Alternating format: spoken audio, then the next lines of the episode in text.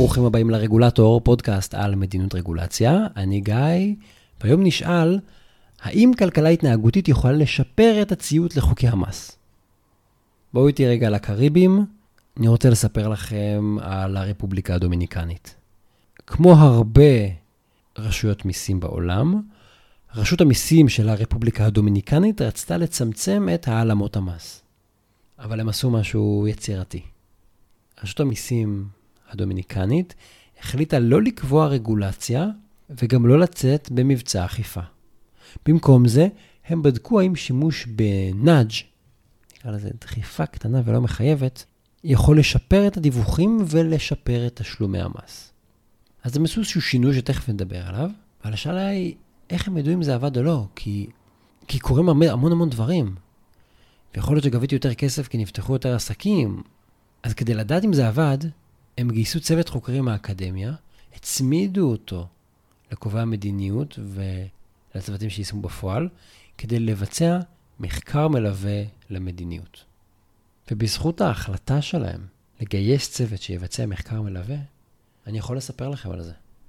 כי יש נתונים. אז מה הם עשו? רשות המיסים של הרפובליקה הדומיניקנית ניסחה הודעה לעסקים שמיידעת אותם ומדגישה את העונש על העלמת מס. זה הכל. הם פשוט אמרו, העונש על העלמת מס הוא איקס שנים בכלא, איקס, לא יודע, דולרים בקנס, הדגישו את הסיפור הזה של הסנקציה, ושלחו את זה. שלחו מכתבים ל-28 אלף עצמאים ול-56 אלף חברות. שימו לב, הם לא שינו את חוקי המס, הם לא החמירו את הענישה, הם לא שלחו מפקחים לרחובות. למעשה, הם לא עשו שום דבר, חוץ מלידע את העסקים באמצעות מכתב. התוצאות של המכתב הזה היו מרשימות, מדהימות. ההודעה הזאת הגבירה משמעותית את הציות של הציבור לחוקי המס. הדומיניקנים מצאו שהם הגדילו את גביית המס שלהם ב-193 דולר בשנה בזכות אותו מכתב. הסכום הזה שווה ל-0.23% מהתמ"ג של המדינה. זה סכום יפה, וזה מרשים עוד יותר בהתחשב בזה שכל מה שהיה צריך בשביל לעשות אותו זה לשלוח מכתב.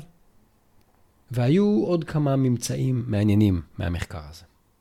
למשל, נכון שאמרנו שרשות המיסים שלחה את המכתב הזה גם לעצמאים וגם לחברות, אז על מי אתם חושבים האזהרה בעונש עבדה יותר?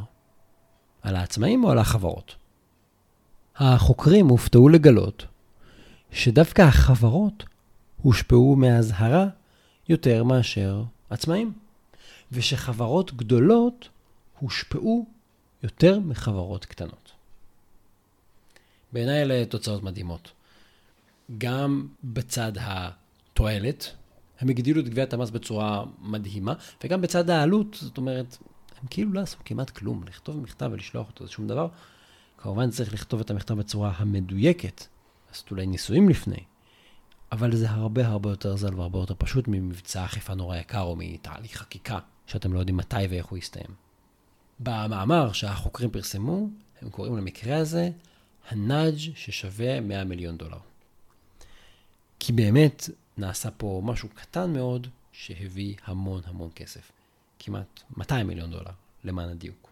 ואפשר ללמוד מהמקרה הזה הרבה על היתרונות של כלכלה התנהגותית ושל רגולציה מתקדמת בכלל, זאת אומרת שימוש בכלים שהם לא קופים. ואני בטוח שזה לא המקרה היחיד שהשיג כאלו תוצאות, ובכלל מאוד מאוד אופנתי לדבר על כלכלה התנהגותית ועל נאג' כיום. העניין הוא שהרבה פעמים אנחנו פשוט לא יודעים אם זה עבד וכמה זה עבד. כי די נדיר שעושים בקרה ומחקר מלווה על החלטות מדיניות.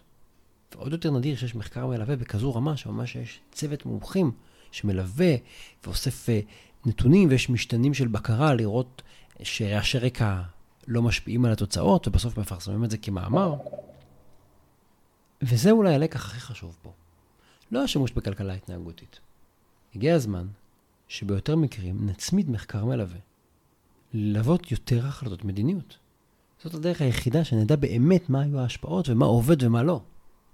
אם תחשבו על זה באופן יותר רחב, בלי בקרה על מה שקורה סביבנו, אנחנו לא יודעים מה באמת התוצאות של מה שעשינו.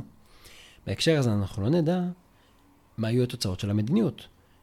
אם המדיניות עבדה או לא, כמה היא עבדה, אולי היא יצרה בעיה חדשה, אולי היה שינוי תוך כדי תנועה שמצריך מעורבות שלנו ותיקון. אם אנחנו לא אוספים נתונים על המציאות, אנחנו לא נדע את זה. בלי בקרה, קביעת מדיניות היא כמו לזרוק כדור לסל, רק בלי לבדוק אם קלענו.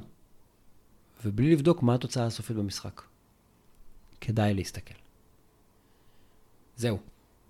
תודה שהאזנתם לפרק הזה של הרגולטור, אני גיא מור. אתם מוזמנים לעקוב אחריי ברשתות החברתיות השונות, לעשות מנוי לפודקאסט, להיכנס לאתר האינטרנט regulator.online, יש שם מקורות, כולל לינק למחקר הזה, הנאד ששווה 100 מיליון דולר.